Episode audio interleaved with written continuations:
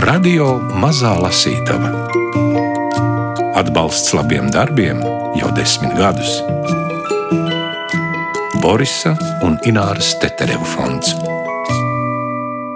Man jau jāatzīst, ka es neko daudz par to grāmatu nezināju. Man vienkārši jāsaka godīgi, ka man bija Kilbloka piezvanīja un teica, ka izdevniecībā jau ir nobalsots.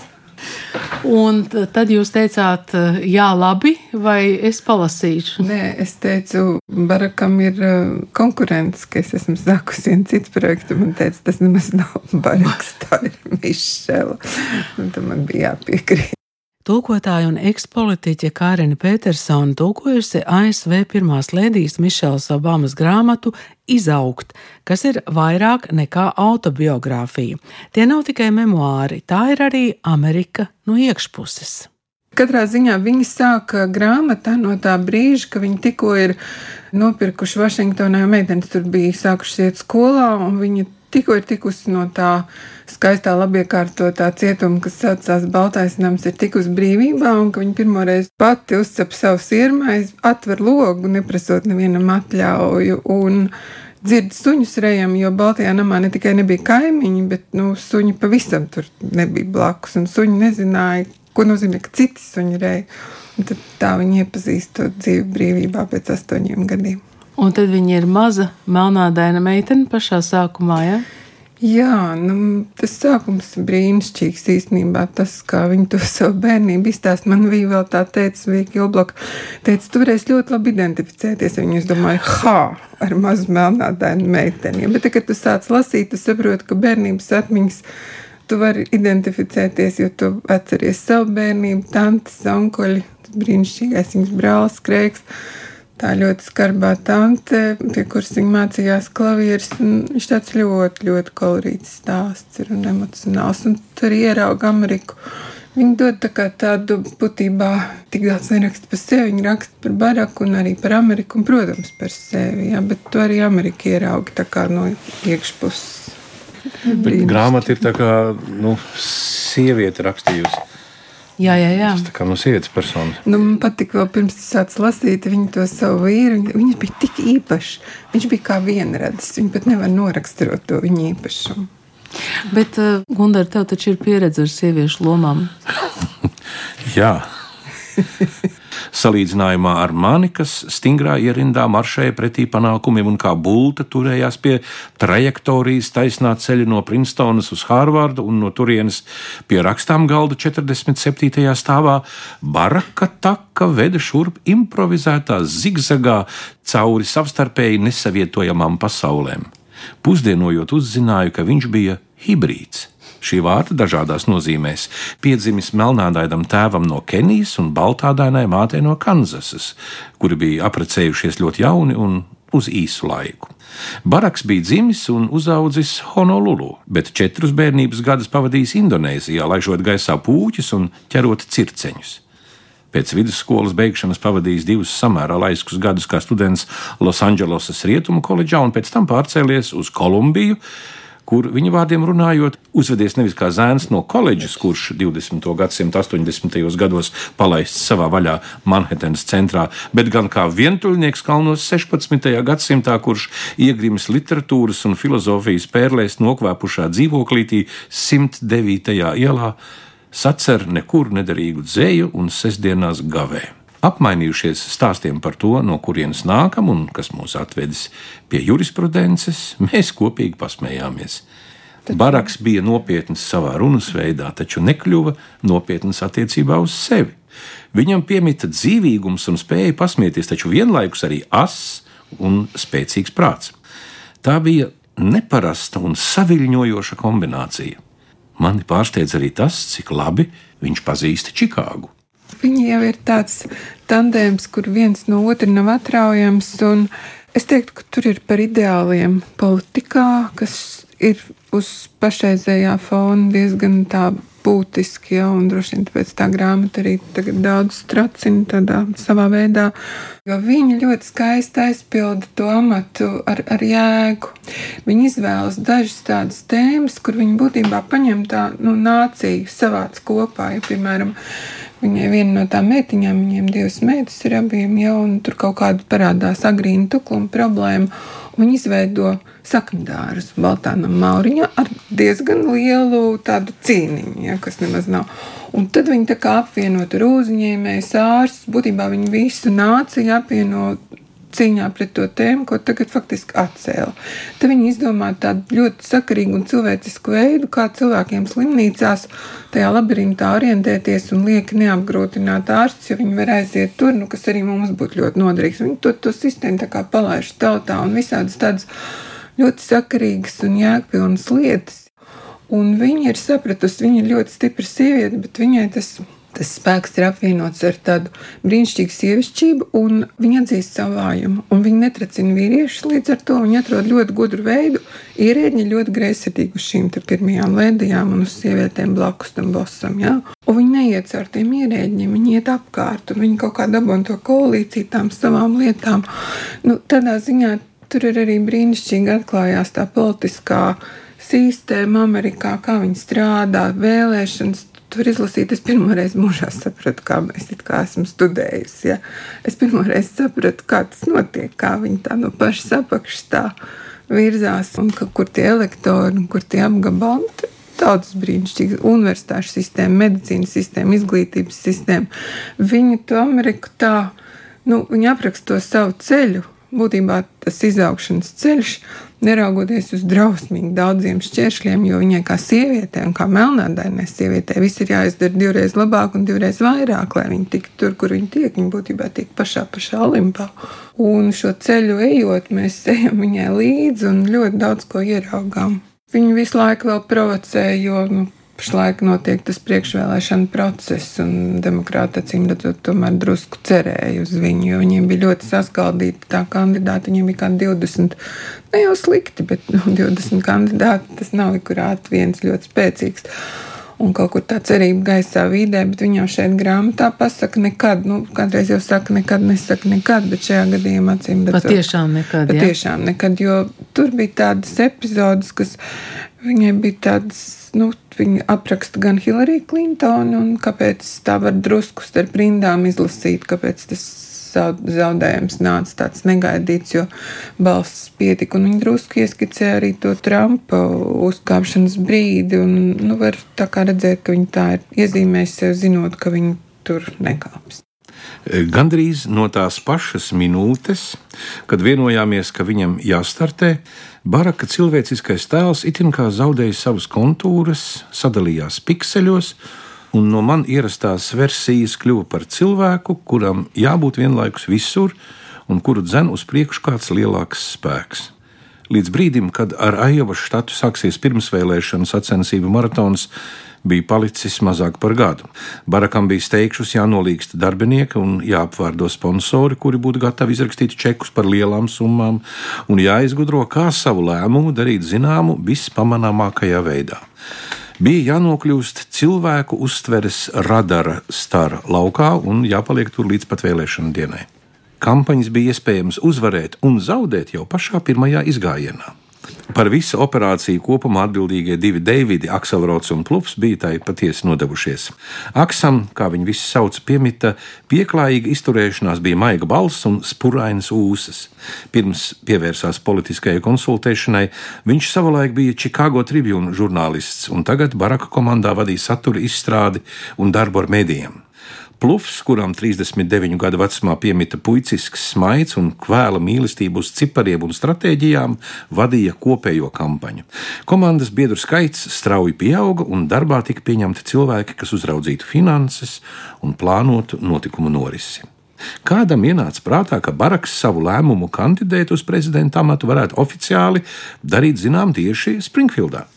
Visi piekrita, ka tas veidotu piemērotu Amerikas vidienē raksturīgu fonu vēlēšanu kampaņai, kas atšķirtos.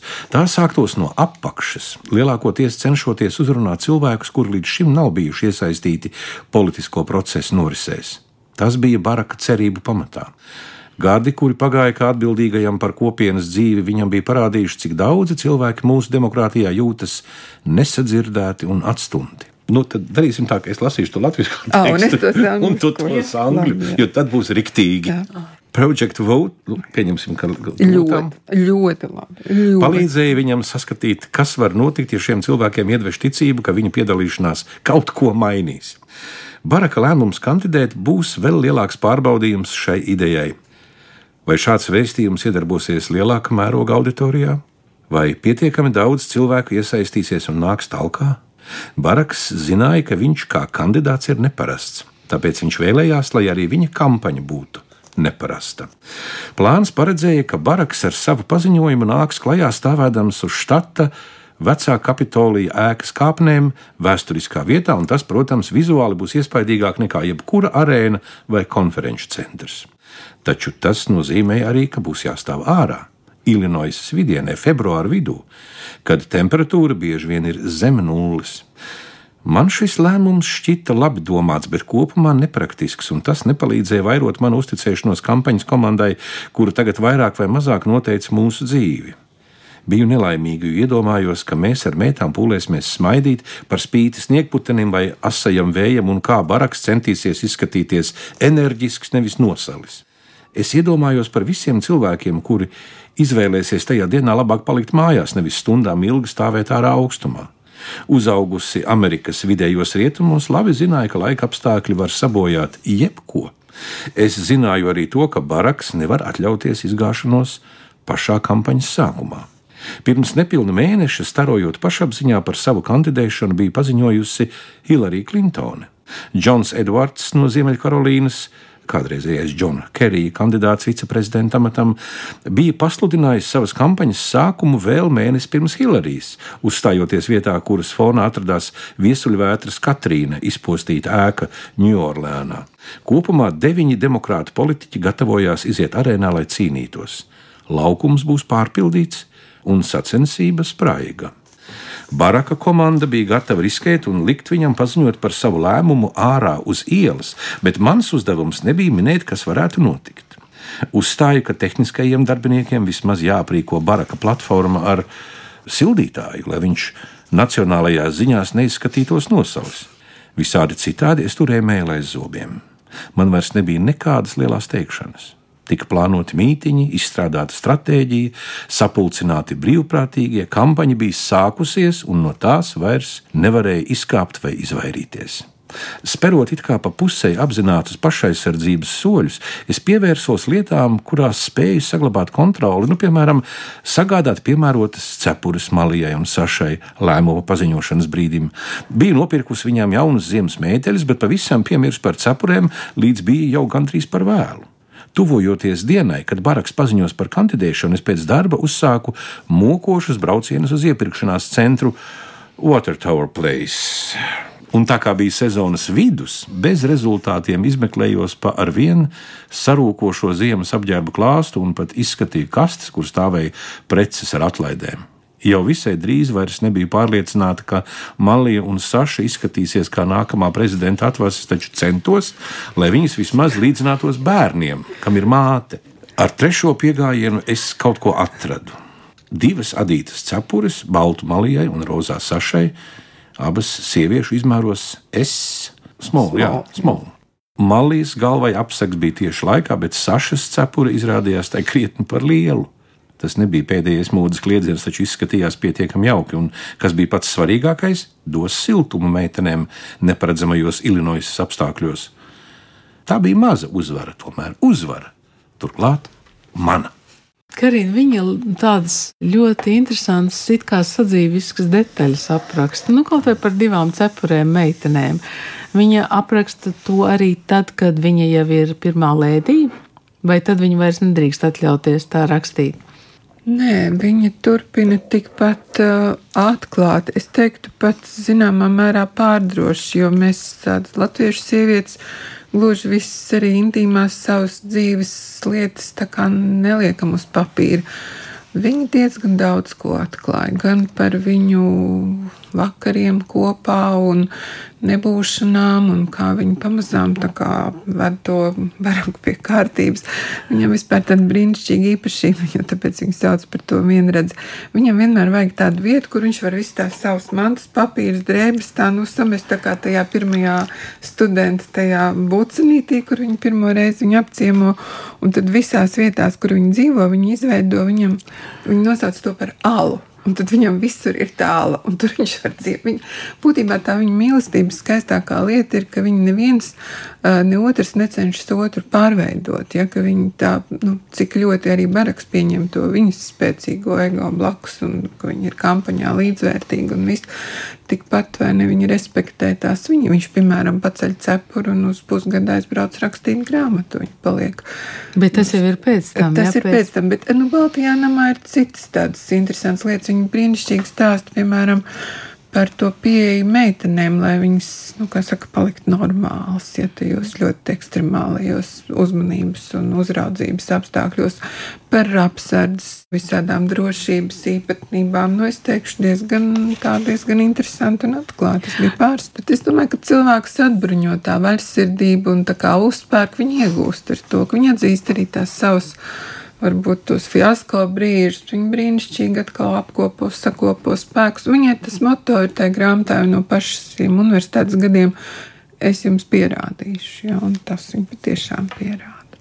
Laikā līdz inaugurācijai temps kļuva rāmāks. Tiku bombardēta ar simtiem lēmumu, kuri jāpieņem un kuri acīm redzot bija neatliekami, Man bija jāizvēlas viss nepieciešamais Baltā nama rezidencei, no lieliem dvieļiem un zobu pastas vannas istabai līdz trauku mazgājumam līdzeklim un alus krājumiem virtuvē, kā arī jāsmeklē tērpi inaugurācijas ceremonijai un graznajām ballēm, kas tai sekos. Tāpat jāizplāno loģistika apmēram 150 mūsu tuviem draugiem un radiniekiem, kuri ieradīsies no citām pilsētām. Ko vien varēja, deleģēja Melisai un citiem pārejas periodu komandas locekļiem, mēs arī nolīgām Maiklu Smitu, talantīgu interjeru dizaineru. Viņu palīdzēja sameklēt kāds no draugiem Čikāgā, lai viņš palīdzētu mums apmēbelēt un iekārtot rezidenci un ovālo kabinetu atbilstoši mūsu gaumei. Es uzzināju, ka jaunievēlētajam prezidentam tiek piešķirti 100 tūkstoši dolāru no federālajiem fondiem, lai varētu pārcelties un iekārtot nākamo māju vietu, taču Baraks uzstāja, ka mums viss jāapmaksā pašiem, izmantojot ietaupījumus no honorāriem par grāmatu.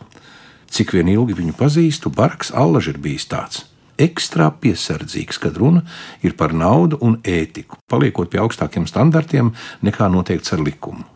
Melnādē no kopienā tiek turēta prātā kāda sena patiesība, tev jābūt divreiz labākam, lai sasniegtu kaut pusi no iecerētā. Kā pirmā afroamerikāņu ģimene Baltajā namā mēs reprezentējam savu rasi. Mēs zinājām, ka jebkura kļūda vai misēklis tiks padarīts nozīmīgāks un uztverts kā lielāks nekā tas patiesībā ir. Jāsaka, godīgi, mani mazāk interesēja, kā no jauna iekārtot rezidenci un kā saplānot inaugurāciju. Es vairāk prātoju, ko iesākt ar savu jauno lomu sapratu, ka man faktiski nebija tāda uzdevuma kaut ko darīt. Ja nebija darba pienākuma apraksta, nevarēja arī prasīt pildīt šos pienākumus, un tas deva man brīvību pašai noteikt savu dienas kārtību. Vēlējos, lai varu būt droša, ka katra lieta, ko daru, palīdz sasniegt jaunās administrācijas lielos mērķus. Man par lielu atvieglojumu abas meitenes pārnāca mājās priecīgas pēc pirmās dienas skolā, un tad pēc otrās, un arī pēc trešās. Sašai bija uzdots mājas darbs, kas nekad agrāk nebija noticis. Malija jau bija pierakstīta dalībai skolas kora koncertā. Viņas gan stāstīja, ka bērni no citām klasēm reizēm paskatoties uz viņām divreiz, kad pamanot, bet uh, visi izturoties jauki. Ar katru nākamo dienu kortēžas brauciens uz uh, Sidwell Friends. Jā, Sidwell friends. jā, kļuva arvien ierastāks. Pēc kādas nedēļas meitenes jutās jau pietiekami ērti, lai varētu doties uz skolu bez manis. Un manā vietā viņām par regulāro pavadoni kļuva mana māte, kas aizvešanu un atvešanu automātiski padarīja vieglāku. Vairs nebija tādas izrādes, vajadzēja mazāk aģentu, automašīnu un ieroču. Māte negribēja pārcelties kopā ar mums uz Vašingtonu, bet man nācās uzstāt. Meitenēm viņa bija vajadzīga. Viņa bija vajadzīga man. Gribēju ticēt, ka arī mēs viņai bijām vajadzīgi. Pēdējos pāris gadus viņa teju katru dienu bija klāt mūsu dzīves notikumos ar savu praktiskumu, būdama glābiņš mūsu raišpilnajā ikdienā. Taču visu 71 gadu garo dzīvi māte bija aizvadījusi tikai Čikāgā. Viņa nevēlējās pamest dienvidu pusi un savu māju Eiklīda avēnijā. Es viņus mīlu, bet es mīlu arī savu māju. Māte pēc vēlēšanām pavisam vienkārši atbildēja kādam žurnālistam. Baltais nams man atgādina muzeju, un kā lai nakšņo muzejā? Centos paskaidrot, ka pārceļoties uz Vašingtonu, viņi satiks dažādus interesantus cilvēkus. Viņai nebūs jāgatavo ēdiens un jātīra māja, ka baltā nama augšējā stāvā būs plašāk nekā mājās. Nekas no tā viņai nešķita svarīgs.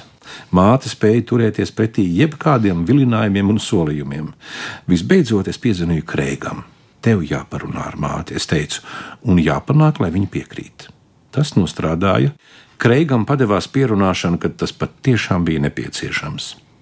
Viss beidzās ar to, ka māte palika kopā ar mums nākamos astoņus gadus, kaut arī tobrīd apgalvoja, ka pārceļas tikai uz kādu laiku, un ka paliks tik ilgi, kamēr meitenes iejutīsies. Viņa arī atteicās ieslēgties kaut kādā burbulī. Māte norādīja drošības dienesta piedāvāto apsardzi un izvairījās no mēdījiem, tā aiztaupot sev atpazīstamību un saglabājot zināmu brīvību. Baltā nama apkalpojošais personāls bija par viņu sajūsmā, jo viņa uzstāja, ka veļu mazgās pati. Visus šos gadus māte nāca un gāja, kad un kā vien vēlējās, vienkārši atstājot rezidenci un izējot pa vārtiem līdz tuvākajai aptiekai vai uz nocenoto preču veikalu Failīnas basement. Kad viņai kaut ko savajadzējās. Māte ātri sadraudzējās ar dažādiem cilvēkiem un regulāri devās kopīgi pusdienot. Katru reizi, kad kāds svešinieks noteica, ka viņa izskatoties tieši kā Mišelas Obamas māte, viņa pieklājīgi pasmaidīja un teica, jā, man daudzi to saka. Un turpināja iesākt to. Mana māte, kā vienmēr, visu darīja pa savam prātam. Mišels Obamas darbu izaugt tulkojusi Kārina Petersone, izdevusi Zvaigzne ABC, fragmentus lasīja Gundars Āboliņš. Radio Mazā Lasītava Atbalsts labiem darbiem jau desmit gadus. Borisa un Ināras Tetereva fonds.